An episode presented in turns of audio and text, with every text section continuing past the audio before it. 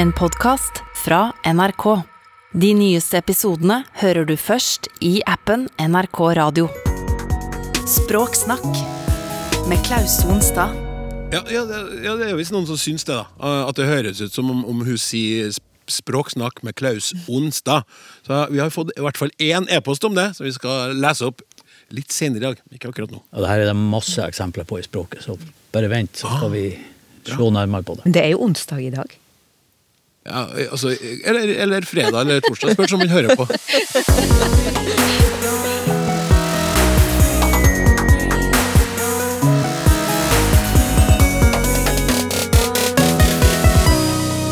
Krabbe er godt, men du bør fjerne magesekken, altså paven. Hvorfor i himmels navn heter den det? Hvem er dem som har begynt å rote med bruken av dem og de? Og hvor dårlig må du kunne et språk for å misforstå det godt? Det er liten tvil om at Språksnakk er programmet du hører på nå, og takk for at du gjør nettopp det, kjære lytter. Dagens utvalg av spørsmål og funderinger innsendt til snakk.krøllalfa.nrk.no strekker seg fra bruken av ordet burde til det tilsynelatende ganske så sakrale navnet på krabben sin magesekk. Paven kan inneholde miljøgifter og bør derfor ikke spises. Amen for det. Den smaker vel eh, sannsynligvis ikke så godt uansett. Men hva er egentlig grunnen til at paven, altså magesekken, heter paven? Med i studio i dag er Trude Bukve fra Institutt for språk, litteratur, matematikk og tolkning ved Høgskolen på Vestlandet. Randi Solheim fra Institutt for lærerutdanning ved NTNU. Og Olaf Husby, fonetikkskolerektor og stadig tilknytta Institutt for språk og litteratur, også NTNU. En herlig språkforskertrio. Velkommen skal dere være. Tusen takk.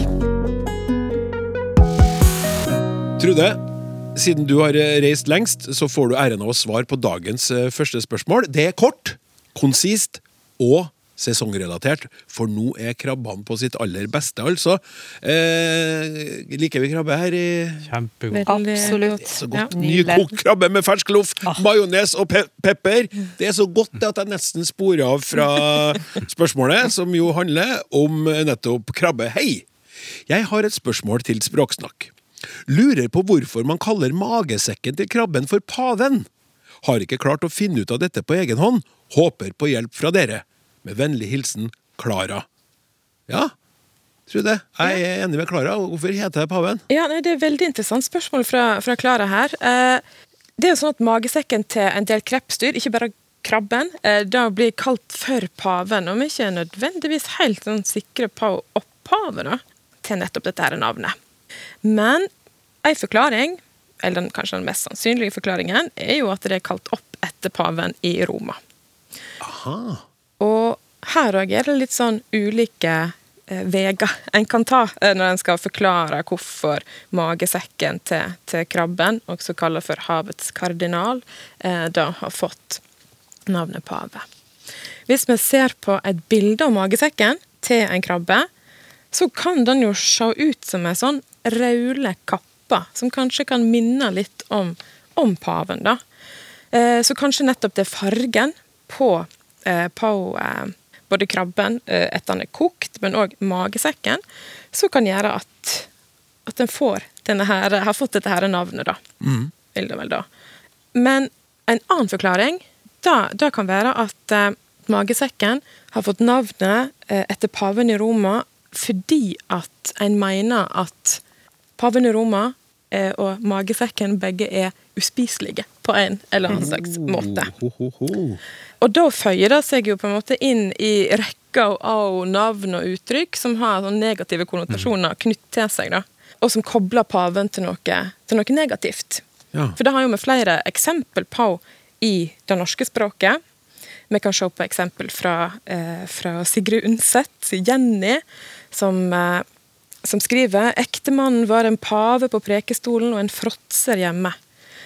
Og her bruker en liksom pave da, om en person som kanskje opptrer med en sånn viktighet som en tenker at en Pompøs. ikke, Ja, en pompøs Ja. person. Noen som ikke har rett til å oppføre seg på den, eh, på den måten. eh, da. Eh, Og så har vi i tillegg i norsk så har vi ganske mange ord der pave utgjør andre leddet, som òg har negative konnotasjoner knytter seg. Altså somlepave, sutrepave, juksepave. Eh, Skrytepave. Skrytepave.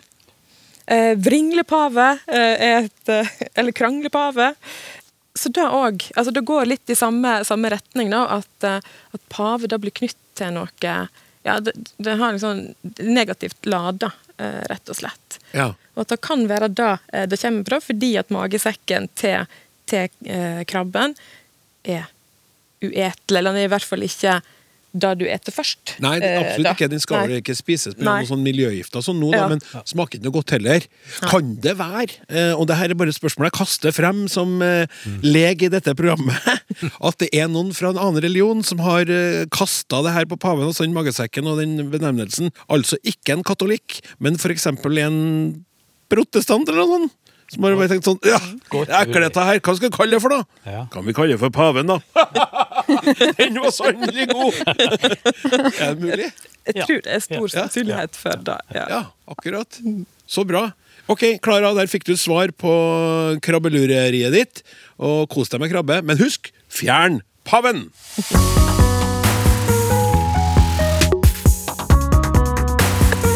Tusen takk, da er vi i gang. Supert. Nå uh, går vi over til en liten opprydning først her, uh, Olaf. Uh, fra, eller er et innspill fra Gunnar Baden som du må hjelpe en litt med. I Språksnakk for litt siden ble det sagt at dette landet har alle vokalene i navnet sitt, og at Y ikke er en vokal. Dette forstår jeg ikke. Altså, det var Mosambik. I Cappelen Dam sitt store verdensatlas er det kun tre vokaler i Mosambik, og ingen Y. Eh, sant? Så vi var kanskje litt uklare der, og vi snakka om, eh, om det. Eller vi, når jeg sier dette, det store vi. Du har lyst til å peke på meg, kanskje? da? Nei, altså, eh, spørsmålet var jo Når han, han, Tormod Eiker så spurte, så, så sto det jo i parentes i spørsmålet hans på engelsk, ikke sant? For den diskusjonen gjaldt jo om Y var en vokal eller ikke i engelsk. Og da, på engelsk, så skulle Mosambik var et eh, ord som hadde alle vokaler. Ikke Y, riktignok, men vi snakker om at den kanskje er en konsonant på engelsk. Da. Ja. Og da sitter du igjen med sånn som man skriver Mosambik på, på norsk, så er det tre bokstaver. Vi skriver jo rett fram. Mens på, på engelsk så skriver man jo Mosambi, altså Q-U-E. Ja, så, da Mosambik får du, ja, så da får du U-en og E-en på slutten. Så da får du alle fem vokalene i ett ord. Mm. Så derfor på engelsk alfabetet, ikke sant? i forhold til det, i forhold til andre alfabet, så stemmer det jo ikke. Nei. skjønner jeg. Takk skal du ha, da har vi oppklart det. Det er viktig å oppklare ting også. Så til saken, eh, kjære alle sammen. Vi har fått inn denne herlige e-posten eh, til snakk.krøllalfa.nrk.no. Hei! Takk for å lage den andre favorittsendingen min. Da jeg lyttet de første gangene på Språksnakk eh, for et år siden nå, var det aldri et stort problem å forstå ekspertenes forklaringer og tankene om språk, men jeg trodde at sjefen til sendingen het Klaus Onsdag. Onsdag. Og jeg syntes at det var ganske moro, fordi jeg lyttet til sendingene på fredag. Kommer ut som podkast på fredag. Men så leste jeg noen ting om Klaus Sonstad for noen måneder siden, og nå kan jeg ikke forstå hvorfor jeg hadde hørt on onsdag før. I den nyeste sendingen så, så han Klaus veldig tydelig også for, sto han Klaus veldig tydelig også for meg. Klaus Sonstad. Jeg opplevde dette fenomenet også med favorittsendingen min. altså Her er nemlig den andre altså favoritt, den, På andreplass Språksnakk. På førsteplass Kongerekka med skriven Ares Ende Aasen. Jeg trodde det var et veldig interessant navn.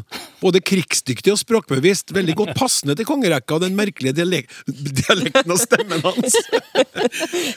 Ares Ende Aasen. Og det er jo da Are Sende Osen. Det finnes jo mange som forstår engelske sangtekster feil og hører uttrykk i morsmålet deres som naturligvis ikke er der, men det fungerer motsatt til problemet mitt. Når jeg hører én gang hva noen har misforstått i en sang, så kan jeg kun høre feil. Men når jeg vet om hva det riktige navnet er, så kan jeg ikke forstå det feil videre. Er det et visst nivå av hvor dårlig man må snakke eller forstå et språk for å ha slike problemer? Er det vanlig å ikke ha peiling på hva norske navn virkelig er, bare ved å høre dem, selv om jeg forstår resten av samtalen ganske godt? Eller må også nordmenn lese nye navn før de vet hva de er? Gleder meg uhyre til å lytte til alle fremtidige utgaver av Språksnakk. Hilsen Ivar Forer, Oberhasli, Sveits! Helt fantastisk. Og han var veldig opptatt av at jeg skulle si forer, som i norsk forer og ikke fyrer. Det skjønner jeg veldig godt. Eh, Han skriver det sjøl, understreker det. Så utrolig herlig innspill fra Sveits, Olaf. Ja, det er artig at jeg kommer i dag, for vi skal jo snakke om stavelsen senere. For det her er noe som berører stavelser. For det som skjer her altså når, når Klaus slutter jo på S, og Sonstad begynner på S. Og når vi eh, snakker sammenhenger, så sier vi jo Klaus Sonstad. Ja. Og i norsk så vil da den S-en der være litt lengre enn den hvis du heter Klaus Onsdag. Ja. Så den litt lengre S-en på norsk vil få oss som kan norsk til å skjønne ok, en S på slutten, en S på, på begynnelsen. Så han, eh, men han oppfatter antagelig bare én S, og han velger da å knytte den til Klaus. Han kunne jo òg ha tenkt i teorien at du heter Klau Sonstad. Ja. For at enten flytter han den si- sist i en stavelse, eller, eller først i, i, i neste stavelse.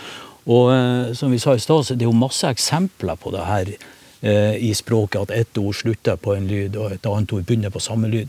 Hvis jeg sier eh, den, eh, et, ord, eh, et uttrykk som i skapet, ja, så er det jo i skapet. Men hvis jeg sier i skapet, Ja.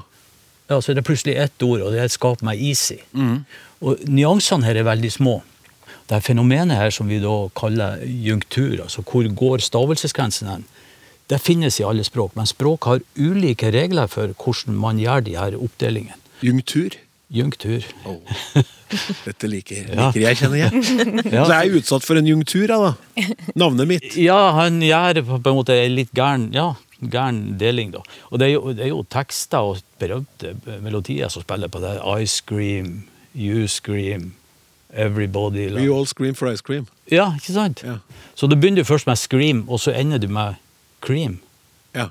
Så spiller man på den S-en hvor den da skal uh, høre til den, ikke sant? Ja. Og øh, for noen av mine unger, og eldste datteren vår, hun, hun mente jo at en av de her øh, bordsangene, 'O du som eter liten fugl', var litt brutal. Ja. For da, det er som jeg, ikke sant? Da Og det du jo som eter liten fugl. ja. Altså, den M-en da, ikke sant? den er både slutten på som, og så er den begynnelsen på metter. Ja. Men så eh, oppdaga hun ikke det. Men eter kunne hun, ikke sant? og så analyserer hun gærent. Ja. Hvis man er god nok i språk, så kan man reglene for de her delingene. her. Hvis man lærer et språk, eh, enten om man er unge eller, eller har et annet morsmål, eh, så gjør man sånne feil. Og, og noen ganger så kommer man kanskje ikke ut av det. Altså, det krever høy kompetanse å kunne alt det her. ja. Randi? Ja, Det er jo veldig interessant eh, når Olaf knyter det til språklæring. Både innsenderen her, som har et annet morsmål, men òg hvordan unger lærer språk. For de tar jo i bruk all kunnskap og alle erfaringer de har, enten fra morsmålet sitt, eller eh, interesse, eller det språkstoffet som de måtte ha vært utsatt for, for å skape mening mm. i det her. Fra frokostbordet hjemme, når eh, en voksen person sa 'kan du sende salami', og så sier ungen er det saladi? Ja, ja, nettopp. Og det er jo, Da lager eh, den ungen her seg ei stavingsgrense, eller ei ordgrense. Ja. Fordi eh, vi er veldig opptatt av ord når, eh, når unger skal lære å skrive. Da skjeler vi ordene tydelig med et uh, mellomrom, mens talestrømmen den er jo sammenhengende. Eh, og da prøver jo de ungene her å lete etter meningsbærende ord i den her sammenhengende talestrømmen. Så da får du sånne eksempel. Jeg har jo flere i den private samlinga mi, eksempel eh, eh, på fjellet. Oi, se, se alle reinsdyra! Og så sier ungen Hvorfor er det så mye styr med reinen? Ja. Reinsdyr Hun hadde ikke hørt det, det, det sammensatte ja. begrepet reinsdyr, så hun delte det opp. For rein gir mening, og styr gir mening. Ja. Ja. Og de som da har gått på Olavs sin fonetikkskole, de skjønner hvorfor en, en forveksler t-en og d-en. Så det er, det er lyder som er i slekt. Det er bare med og uten eh, stemme. ja. Ja, Og du sier jo unger nå. Mm. eh, unger, eller i- Ivarer. Eh, eh, Ivar er jo da en som lytter til norsk med et, et eh, utenlandsk øre, skal jeg si. Og da Og til hans forsvar så må jeg si at jeg har jo sjøl tenkt på akkurat den Klaus Sonstad der. At jeg har hørt noen ganger at jeg syns Ja. det er litt sånn. Jeg tulla litt med sjøl. At du kan si Klaus Onsdag. Ja, Den er så fint, og det, jeg må bare si at den stemmen er helt nydelig, og det er veldig fint, men jeg har tulla litt med meg sjøl. Og jeg er jo da innfødt, godt voksen kall i Norge, og har hørt den her lille Så jeg forstår jo at det, man kan misforstå det både som barn, men også som mm. en som eh, da har norsk som kan vi kalle det, andrespråk. Og, og resultatet er jo et godt norsk stedsnavn. Onsdag. Ja, ja, ja. Ja visst. Nå vet jeg ikke om det- finnes, men, men det høres jo norsk ut. Ja, ja. Onsdag, og du har onsdag, som det ble snakka om tidligere, som en kjempefin dag midt i uka. Og så var det også kilde til en kjempefin e-post Ja, ja. fra en lytter, så det er så mye med det her.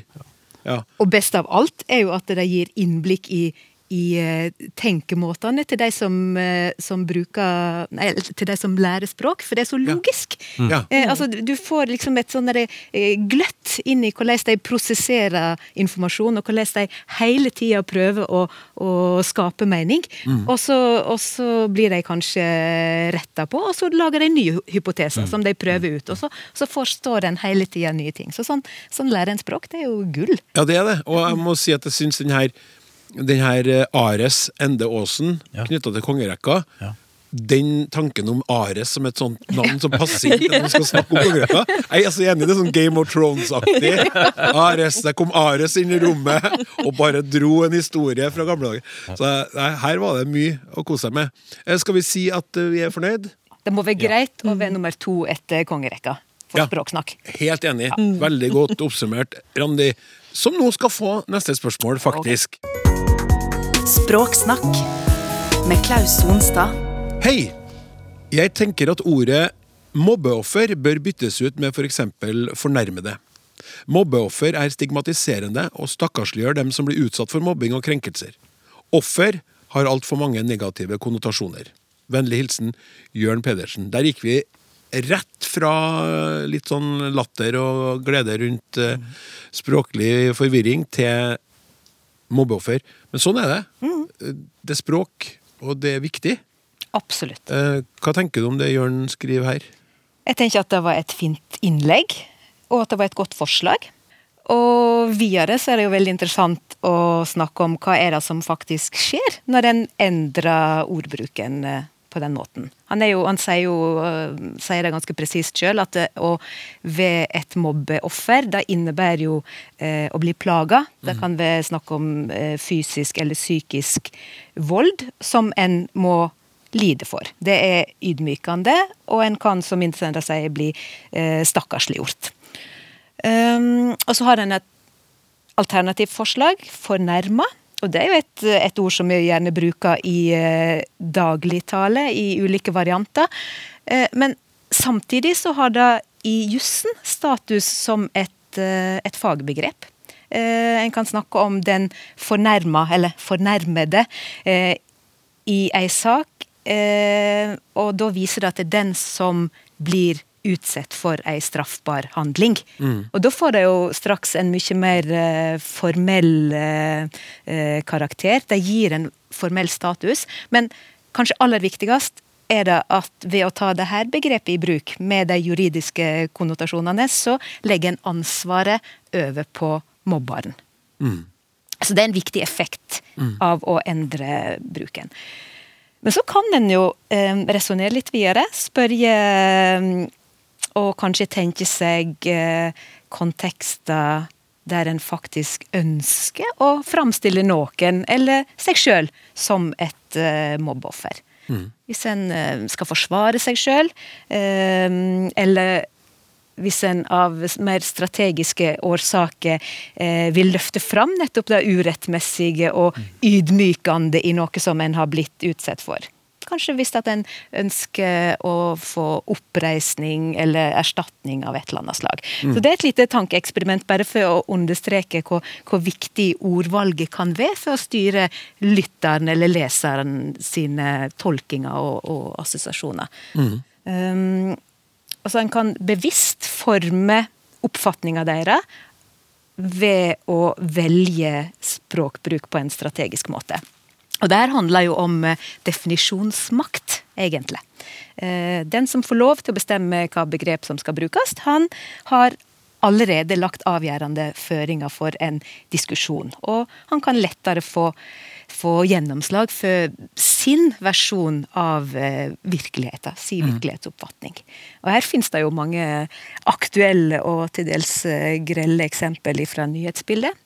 Det tydeligste i, eh, i disse dager er jo Putins omtale av Ukraina-krigen. Han snakker om det som for alle oss andre er en brutal krig, som en uh, militær spesialoperasjon. Mm. Han snakker om uh, denazifisering av, uh, av Ukraina, der vi kan alternativt bruke ord som utrensking for de brutale handlingene som skjer. Mm. Så det er et veldig godt eksempel på definisjonsmakt. Vi har jo òg et annet aktuelt eksempel. Eh, langt mindre viktig, men, men likevel eh, muligens eh, talende. Det nye Senter for estetisk medisin og kvinnehelse på mm. fineste Frogner. Mm. Jeg tror jo òg at begrepene der er bevisst eh, valgt for å koble eh, skjønnhetsindustrien og plastisk kirurgi og alt det der til, til helse og medisin og til vitenskapelige eh, metoder. Mm. Legitimere det hele gjennom, gjennom å koble det til medisinfeltet. Kanskje har en tenkt litt lenger fram òg. Kanskje har en skjønt at, det ville at dette her ville skape bråk, og at det indirekte vil være reklame for. Ja, for bråk ble det virkelig. og Det har jo vært uh, kvinnefall uh, fra den der klinikken. Noe du ville tilføye? Ja, altså, ja, jeg tenker på, det, det, er veldig interessant når jeg snakker om sånn legitimering av ordbruk. Uh, for i 2012 så kåra jo Språkrådet da navar, eller å nava, til, til årets ord. Og ja. det er jo òg noe som har blitt eh, diskutert mye i ettertid. Mm. Eh, denne her legitimeringen av på en måte en beskriving av eh, grupper som mottar trygde, eller visse typer eh, trygdeytelser. da. Og, og jeg husker i den, eh, i den uh, utgreiingen om hvorfor de hadde kåra uh, Navar, eller da å nava var det, til årets ord, så definerte det Navar som å drive dank på statens regning, og det ble kobla til, til ofte ungdommer som hadde lyst til å ta seg et friår. Ja. Og Det er jo ikke sånn at dette her ikke har blitt debattert før. Dette var senest oppe under Arendalsveka eh, i år. Men det ser jo ut som disse negative konnotasjonene som knytter seg til det å nave, det har, har, hengt ved. da. Og jeg syns at det er på en måte både en interessant og viktig debatt at på en måte staten sitt rådgivende organ for språkspørsmål At når en kårer da et, et, et ord som, som, kan gi så negative konnotasjoner da, eh, knytt til grupper som, som mottar visse typer trygdeytelser, at det legitimerer en språkbruk eh, som ikke er, er heldig. Så jeg tenker at bruksfrekvens og, og språklige kvaliteter til et uttrykk. Det er én ting, som, mm. som var grunngivelsen for, for, utvalget den gangen. Men som Randi nevnte innledningsvis, så kan en jo både bevisst og ubevisst styre folks oppfattelse gjennom språkvalg. Du, du snakker om å, om å, styre folks bevissthet. Jeg kom bare på et uh, par eksempler fra de hete 70-årene på universitetet med politisk aktivitet, hvor ord som arbeidsgiver og arbeidstaker ble endra til arbeidskjøper og arbeidsselger. Mm. Og for på den måten måtte skjerpe altså motsetninger. Arbeidsgiver er jo ikke en som kanskje i, i velvilje gir arbeid, og så er det en som mottar. Det er en som kjøper arbeid fra en som vil selge sitt arbeid. Og den mm. som selger, vil ha høyest mulig pris. Og okay, får han ikke den prisen, vi har jo en streik gående i dag. Og så er det da en som vil kjøpe det rimeligst mulig. Mm. Så noen ord, sånn ord kan enten dekke over, eller at de kan på en måte gjøre ting tydeligere. Ja. Det er jo sånn eh, den her, eh, det her eh, enkle, veldig enkle innspillet fra Jørn, som nå har leda til en stor diskusjon. Randi, du sitter og tegner deg for ytterligere kommentar i denne diskusjonen, som du jo starta sjøl. Ja. ja. Hvis, en skal, hvis, en skal, trekke lærdom ut av det, da, så handler det jo om å være kritisk. Mm. Både når en taler og skriver, og når en leser og lytter. Og for oss som jobber med språk i skolen, så er det jo det er noe av det aller viktigste vi driver med. Å lære elevene å, å være kritiske både til kilder de bruker, og, og hva de eh, legger til grunn når de tolker tekster. Fordi mm. ord betyr noe, og ordene blir tillagt ekstra mening i den konteksten der de blir ytra. Ja. Alltid. Ja, og sånn sett så kan man jo ikke se bort ifra at Jørn sitt innspill eh, vil bli lytta til, og kanskje det vil over tid nå endre seg. At det vil bli noe annet mobbeoffer som vil bli brukt, da. Hvis det nå er flere som er enig i det. Skal vi si det sånn? Jeg heter Mia, jeg er tolv år, og favorittordet mitt er himmel, siden jeg bare, bare syns det er fint ord. Bare liker det. Språksnakk med Klaus Sonstad. Ja, Du hører på Språksnakk med Klaus Sonstad som snakker nå. Eh, Vi får inn e-poster til snakk.krøllalfa.nrk.no. Det er vi veldig veldig glad for. Vi får mye spørsmål, og så får vi innspill etter at vi har drøfta ting. Eh, Det kom inn mange e-poster knytta til ordet einert, som det ble snakka om for litt siden. Jeg skal lese opp noen av dem, for det er jo artig, eh, rett og slett. Hei! Jeg hørte de snakka om ordet einert, og synes det liknar på ordet einare, som jeg kjenner fra Indre Nordfjord. Det blir brukt til dømes slik. Han åt kjøttet einare, det vil si aleine, uten tilbehør. Med vennlig hilsing Kjell Folven. Hei! I min dialekt, ranværing, har vi uttrykket enest, eh, som uttales med æ, altså ænest. Det brukes mest om brennevin. Å drikke enest betyr at du drikker brennevinet ublandet. Kjenner til det fra Klæbu sjøl. Uttrykket brukes også i andre sammenhenger i meningen eh, rent. enest kaffe betyr kaffe uten tilsetninger, f.eks. melk. Med vennlig hilsen Bjørn Bernersen. Og til slutt Hei, alltid interessant å lytte til språksnakk. Når det gjelder ordet einert, kjenner jeg det fra min oppvekst. Min mor, oppvokst i Ulsteinvik på Sunnmøre, brukte det av og til i forbindelse med mat eller drikke. Godt eksempel fra språksnakk med å spise kjøttkakene einert, altså uten tilbehør. Og noen vil ha noe sterkt å drikke uten blandevann, og tar drinken einert. Jeg har oppfattet einert som et tulleord. Det ble alltid sagt med trykk på ordet og litt mimikk rundt. Og slik bruker jeg og mannen min det også når anledningen byr seg. Vi er begge sunnmøringer, i en alder av pluss-minus 80. Hilsen Inger Lise Nordhagen. Fantastisk eh, bra.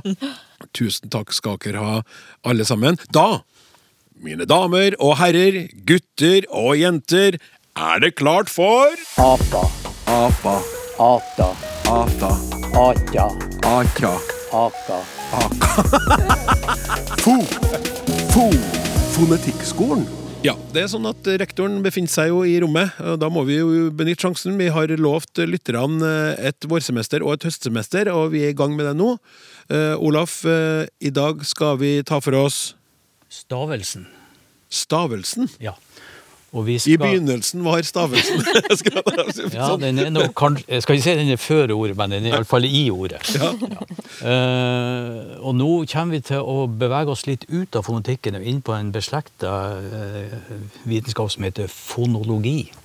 ja. Som handler om de systemene som ligger bak og, og styrer kombinasjonen av språklyder. For har vi stort sett snakka om språklyder som sånn frittstående element. Vi har bare beskrevet de. Men de språklydene skal jo gå i hop og lage ord. Og det er ikke tilfeldig hvordan det skjer. Eh, og for her har språk ulike regler for hva som er akseptabelt og ikke akseptabelt. Og, og igjen, når vi da har de her sammensetningene av, av lyder, når de da skal deles opp i, andre, i, i, i enheter Fletter du fingre i studio? ja, Ja.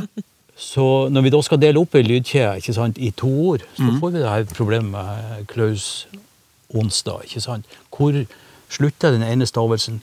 Hvor begynner den andre? ja. Uh, og de her eh, stavelsene, de, eh, de kan jo være av ulik uh, konstruksjon. Og det er, selv om jeg tror alle egentlig vet hva en stavelse er, og har følelse av at hvis jeg sier hytte, så er det to stavelser. Så hvis jeg sier matematikk, så er det fire stavelser. Men hvis man prøver å definere stavelsen rent vitenskapelig, så er det et problem. Altså, hvordan skal vi gjøre det her? Eh, og, Hvorfor er det et problem? ja, for det er sånne motstridende Hvis du begynner Du kunne jo Egentlig, hvis jeg sier hytta, så vi kan jeg jo klappe to ganger sånn. Hytta. Og så kan jeg gå inn og måle intensiteten, og så da vil jeg finne to sånne intensitetstopper som passer med stavelser. Men så er det da ord som har flere stavelser, hvor du bare får én topp. Ja. så kan vi kanskje ikke bruke den toppen. Så er det noen som sier at ok, for hver gang du har ei stavelseskjerne, så har du en, en stavelse. Men hva med et ord som hatten, som bare har én A? Da er jo n-en den andre stavelsen. Så det blir litt sånn vanskelig å, å, å, å definere det her. da. Og, eh, og samtidig så er det liksom, hvor går grensen her? Hvor vil du dele et ord som ekstra? Det har jo to stavelser, men hvor går grensen imellom de? Er det ekk, stra, eller er det eks, Tra. tra, eller ekst, ra? det er så godt spurt. Ja. Jeg har jo absolutt ingen svar på det. på det? Når du, når, du, når du spør, så har jeg faktisk aldri tenkt på det når det gjelder det ordet, men når du, når du spør, så er det også veldig interessant det du sier. Ja. Men det vi gjør her, det finnes en sånn underliggende en regel som vi regner som ganske universell. Du deler sånn at, at stavelsen eh, får flest mulig konsonanter først, og da deler vi altså i ekk og stra, for da får du str før den andre stavelsen. Hvis du deler i ekst, så fikk du bare ekst pluss ra. Da får du bare én konsonant først. Så ekstra skal da dele seg i ekstra. Så der har vi, der har vi to, eh, to stavelser. Uh, og eh, språk er jo De har jo ulike lyder, men de har òg ulike, ulike uh, måter å sette lydene sammen på. Eh, og det gir jo problemer når man, eh, man skal drive og lære eh, språk. Og norsk er ganske komplisert. Vi kan ha eh, ord som å, ingen konsonant først. Så kan vi ha rå, én konsonant. Vi kan ha trå, to konsonanter. Og vi kan ha strå, tre konsonanter først.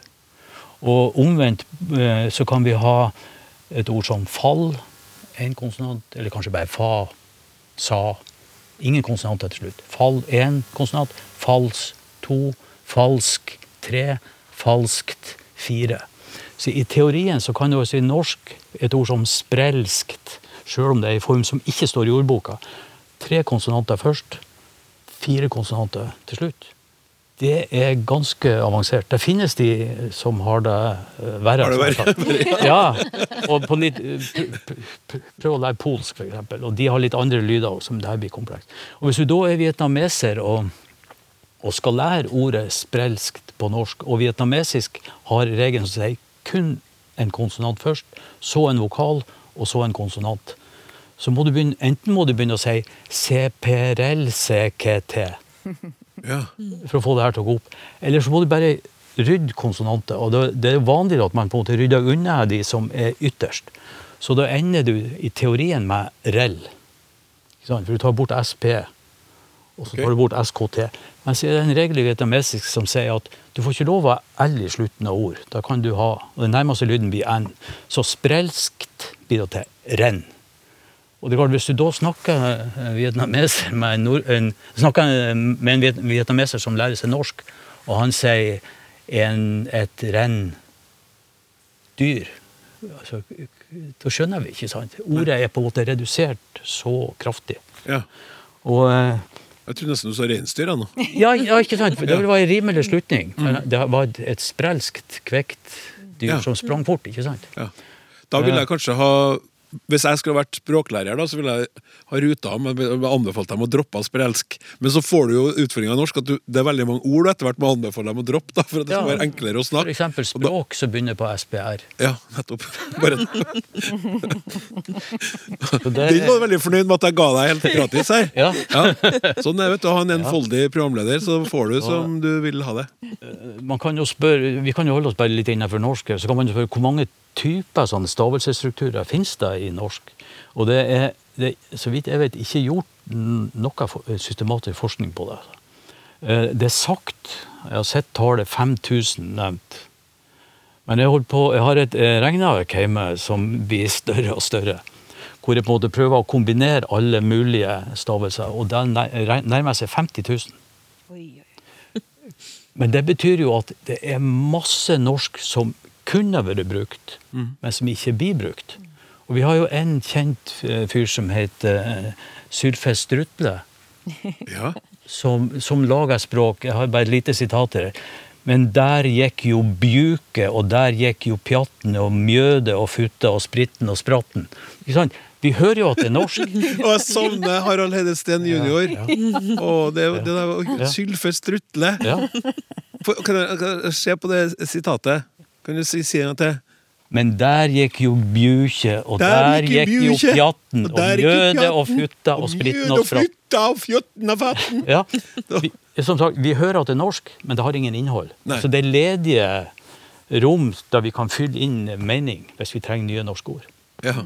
Sånn er det i, i, alle, i, i alle språk. Unntatt det er jo ett språk som er veldig begrensa når det gjelder stavelsesstrukturer, og det er kinesisk. De har litt, jeg sa vi har kanskje 50 000 tilgjengelig. De har litt over 400. Åh. Ja. Og, Når du sier kinesisk, Olaf, da må jeg Ja, bare spørre- mandarinkinesisk, Ja, nettopp. Ja, ja, for at ja, ja, vi ja, ja. snakker om et eh, stort, stort, stort land. og der er for eksempel eh, Kan du noen kinesiske ord? Navn? Nei, jeg bare husker dere God dag har jeg jo kunnet, men nå får jeg jo prestasjonsangst igjen. Så Ja, da. Ni hao? Ni hao? Ja, ni hao. Ni hao. Ja, da har du N og H først, men du har ingen konsonanter til slutt i de to ordene. Nei. Eh, kinesiske ord kan bare slutte på N og Ng. De kan ikke slutte på M, f.eks. Så at eh, finansministeren heter Tom Peng Pung han, Tom kan han ikke hete til fornavnet. Altså. Der er ikke M i slutten av kinesiske ord. Så, Og det, sånne restriksjoner, én konsonant først og kun N og Ng-lyden, altså vi skriver NG til slutt, gjør at det blir veldig få stavelser. Hva gjør kinesisk med det? Jo, når du klemmer ordene sammen sånn, så tyter de ut andre veien, og så putter du på toner. Og plutselig har du masse stavelser tilgjengelig. Du kan du gange med fire i teorien. Og så kan du begynne å kombinere stavelsene, og så får du ord. Ikke sant? Så det her at språk måtte bli enkel, og, og det blir, altså alt går rett vest, det, det skjer aldri. Altså, ting forenkles på ett plan, og så tyter det ut på et annet plan. Ja. Og kommunikasjon kommer til å gå like godt. Vi har jo det med, med, med overføring av morsmålstrekk. Hvis du har snakka med en, en iraner, hvis du skriver ordet 'stor', og du ber ham om å uttale den, så vil han ofte si noe sånn 'estor'. På spansk så heter det jo escuela, estudiante og Spania. ikke sant? Hvorfor har de den e-en der? Det er en regel i spansk og, de, og, og, og persisk som sier at du får ikke lov å starte ord med SP. Du får ikke lov å starte med S pluss det vi kaller plosiv. Du må ha en vokal framfor. Men i, derfor får du være men, Spania. men, men hvorfor det? Nei da. Ja, ja, ikke sant, men det er eh, eh, på en måte like tilfeldig som at spansk har fem vokaler og norsk har ni. Det er bare et regelsystem som har oppstått Okay. sånn i tidsløp. Men på persisk så er jo det her litt verre, for da er det en regel som sier at de vil jo da kanskje si e-språk, når de skal si språk på norsk, eller e-stor. Det er det regelen sier. Du får ikke lov å starte med e heller. Du må ha en konsonant først, og den konsonanten de velger da, det vi kaller en glotal plosiv. Vi har snakka om det. det Ja, der det husker jeg. Ja. ikke sant? Når du sitter på do og tar i seg. Så da sier de e-språk. Eh, Språk. E-språk. Altså de kan si da en e-stor e-skole. Ja. Og- Nesten som et sånt kremt, da. Ja, det, ja, nå overdriver jeg Ja, litt, men altså en e-stor e-skole, Ja. vil man si. Men det, det her kan man enkelt fikse på. Ta bort s-en. Flytt den bare på slutten av ordet framfor, altså jf. Klaus onsdag. Og så får du plutselig ens stor skole. Det, det ser en iraner uten problemer. Men hvis du skriver, hvis du skriver da, ens T-O-R-S Ja. og kole, så blir det uttalen rett. Men hvis du har S-en sånn som det skal, ordet normalt skrives, så får du én S-stor skole. Så skriftbildet er òg med på en underfundig måte å styre, å styre eh, uttalen. Vi må, vi må snart begynne å runde av nå, kjære rektor. Ja, kan jeg bare få ta et fantastisk eksempel? Jeg skal ikke forklare det. Det kan du. Merry Christmas på hawaiisk. Merry Merry Christmas, Ja. som vi alle God jul. Ja. er tatt inn i hawaiisk. Men hawaiisk har så enkle stavelsesstrukturer og så lite lydinventar at ordet blir mele kalikimaka. Mele kalikimaka. Det er, og hvis du gransker hva som har skjedd, så er selvfølgelig må Merry Christmas bli mele kalikimaka på hawaiisk. Pga. at strukturene i de to språkene er så ulikt. Det her kan du lage på papiret. Du kan forutse at det blir mele kalikimaka. Uten å kunne snakke hawaiisk. Du skal ha en stor takk for at eh, du bidrar med Fonetikkskolen, Olaf. Gleder oss allerede til neste gang du kommer for å snakke om Da skal vi opp på ordet. Da skal vi på ordet. Ja. Og det var kanskje der i begynnelsen var, da. Ordet. ja. Lyden, kanskje, for ordet. Lyden. Var det Ja. ikke lys først? Skal i hvert fall ikke begynne å snakke om kroppsspråk. Det er helt sikkert. Tusen takk skal du ha. Mitt navn er Edvard, og mitt favorittord er melodi. Fordi jeg føler at det er det perfekte ordet for hva det beskriver. Et melodiøst ord for eh, melodiøst.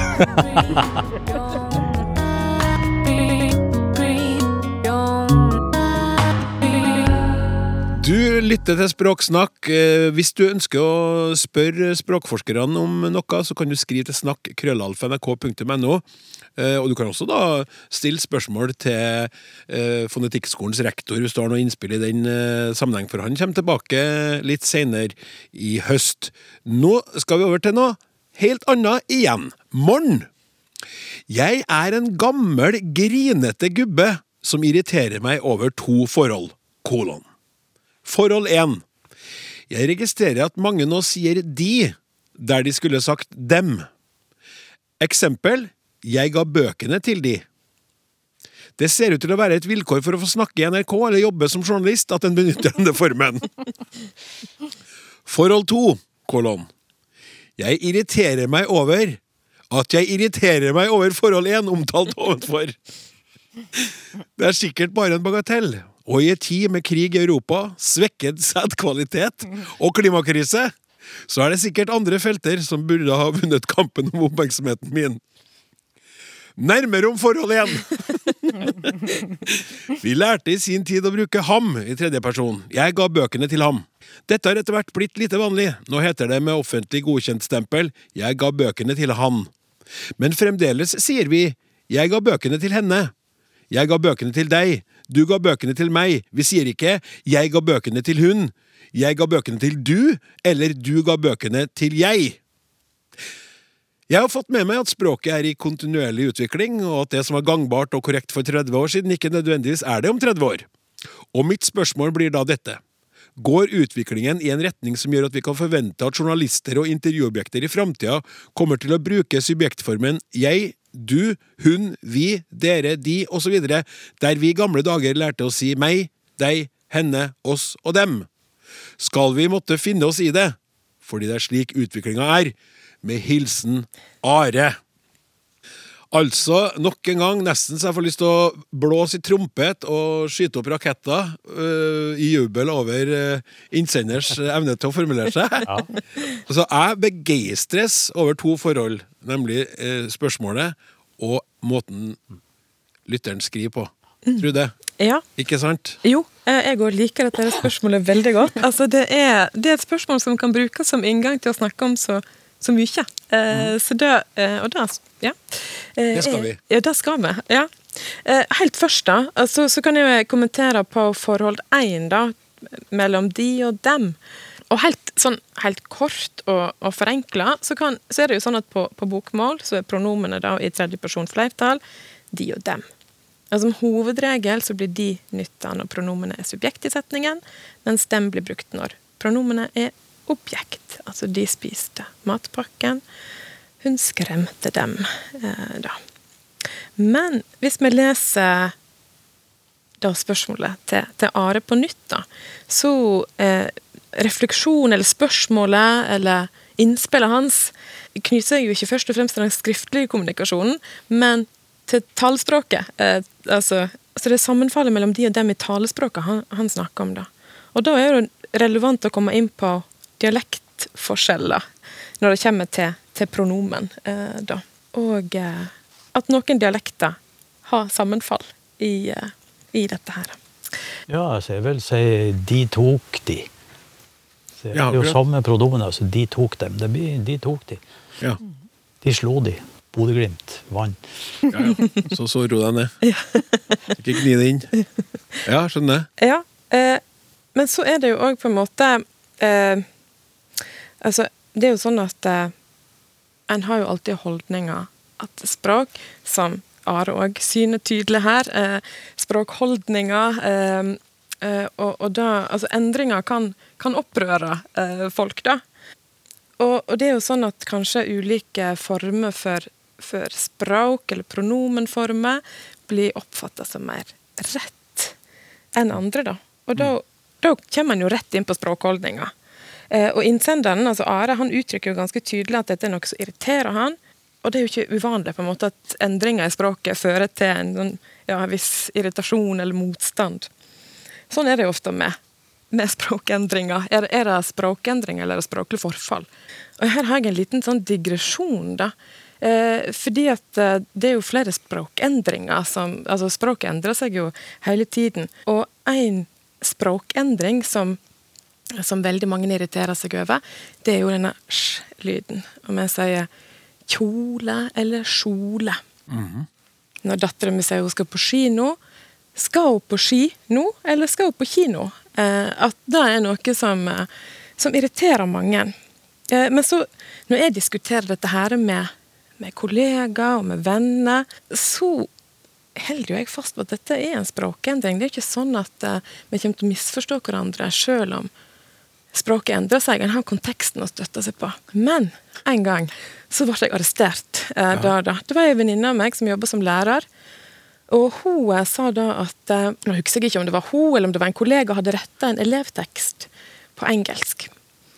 Og i den teksten så sto det She had a beautiful vagina around her neck. og hun lurte litt på hva, hva OK, hva, hva er dette for noe? Og så har du spurt eleven da, hva, hva, tenker du, hva tenkte du når du skrev She had a beautiful vagina around her neck. Hva, hva ønsker du å uttrykke med, med det? Nei, hun hadde slått opp i ordboka på skjede. Så da var jeg sånn veldig sånn konkret eksempel som, eh, Ja. ja. som viser at det er ikke Ja, det er kanskje den, det unntaket som bekrefter regelen. Da. Ja, Ja. Om at alt er greit? Ja. Jeg syns jo det er ganske morsomt at han eh, irriterer seg over at han irriterer seg, han eh, Are her, da. Han viser jo med det både en viss sjølironi og, og ganske mye kompetanse om språk. Det ligger på en måte implisitt i det som han skriver her. Og så er det fascinerende å diskutere hvorfor er det at han irriterer seg, eller hvorfor irriterer vi oss? Kanskje eksempelet ditt eh, gir grunn til irritasjon. Det kan en jo òg diskutere. Men, men jeg tror at litt av forklaringa ligger i ulike syn på språk, og det finner vi òg i det, det brevet hans. Han, eh, altså, irritasjon er jo gjerne en reaksjon på noe som er nytt eller uvant, eller noe som bryter med, med normer og, og regler.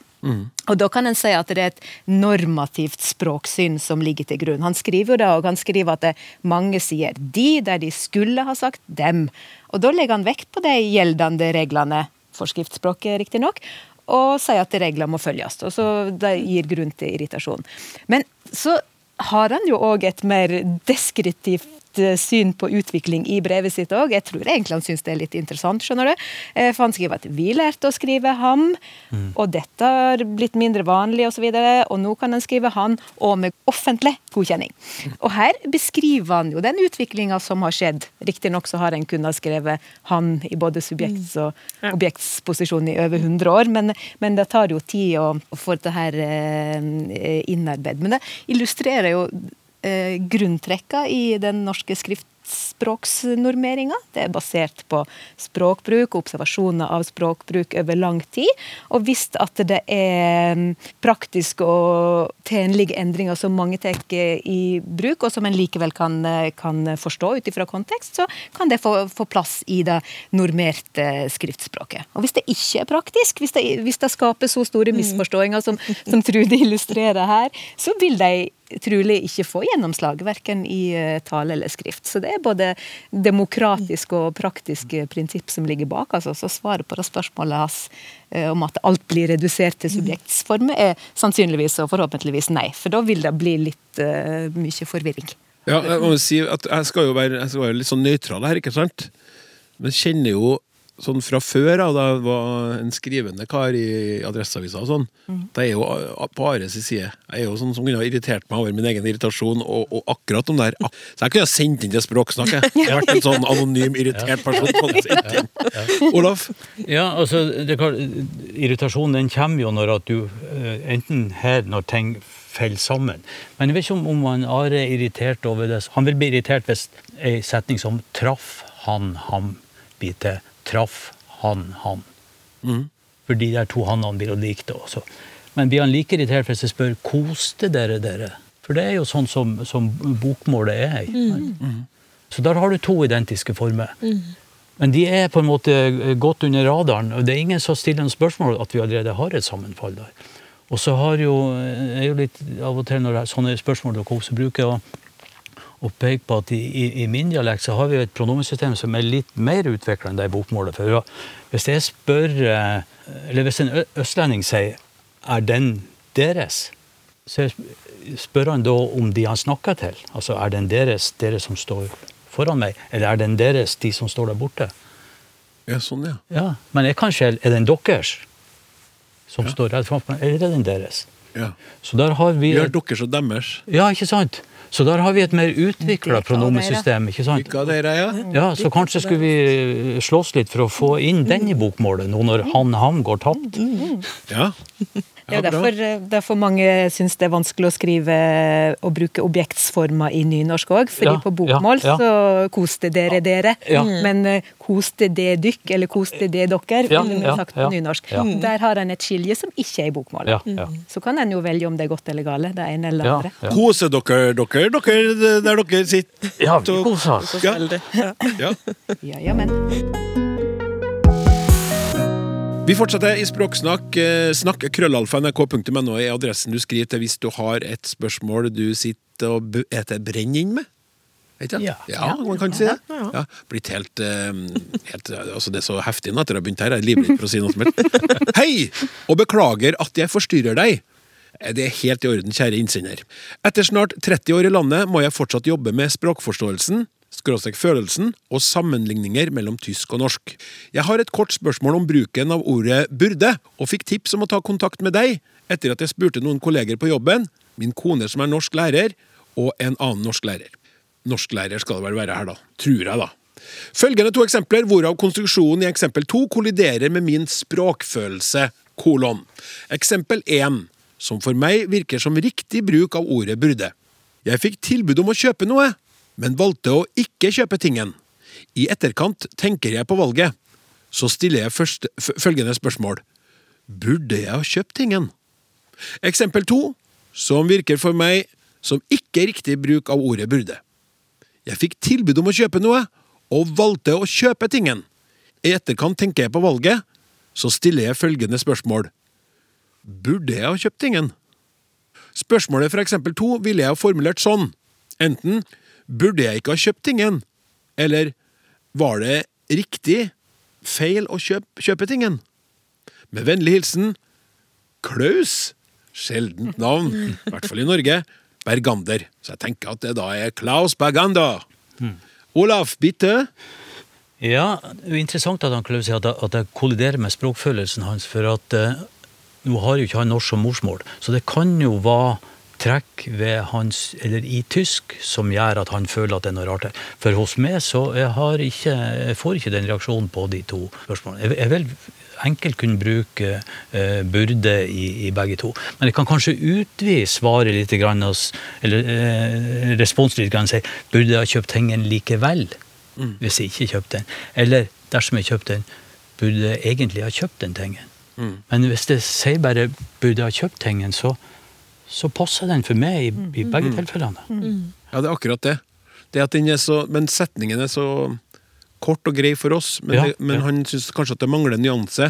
Så hvis han legger inn noen hjelpeord der, Ja, det- vil det tydeliggjøre det. Jeg vet ikke tysk om det vil det bli noe Jeg kan, så, jeg kan ikke tysk, men vil det være noe konjunktiv, vil det være et annet modalt hjelpeverb, vil det være et annet idiomatisk uttrykk? Jeg vet ikke.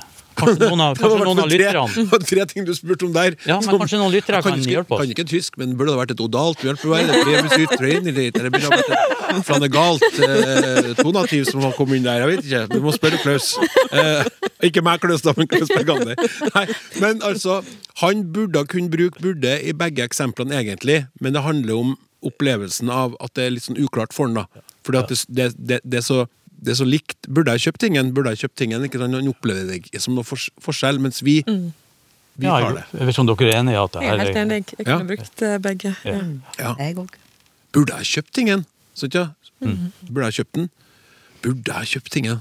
Var det var så lurt å gjøre det, bruke penger på det her. Nå i Ah, disse ok, da tider med du- dårlig sædkvalitet og i Europa og Ja, men det, det gjør du noe interessant, for du bruker intonasjon for å på en måte understreke en slags tvil. Det, det kommer ikke så tydelig fram her i, I i teksten. Nei, men det er kanskje et tips til Klaus òg. Om Ja. at det kan være en måte å Men kanskje er det noen, noen som kan svare oss på det her, Ja, ja. der ute, som, Ja, kan, nettopp. som Bitte. kan tysk? Bitte.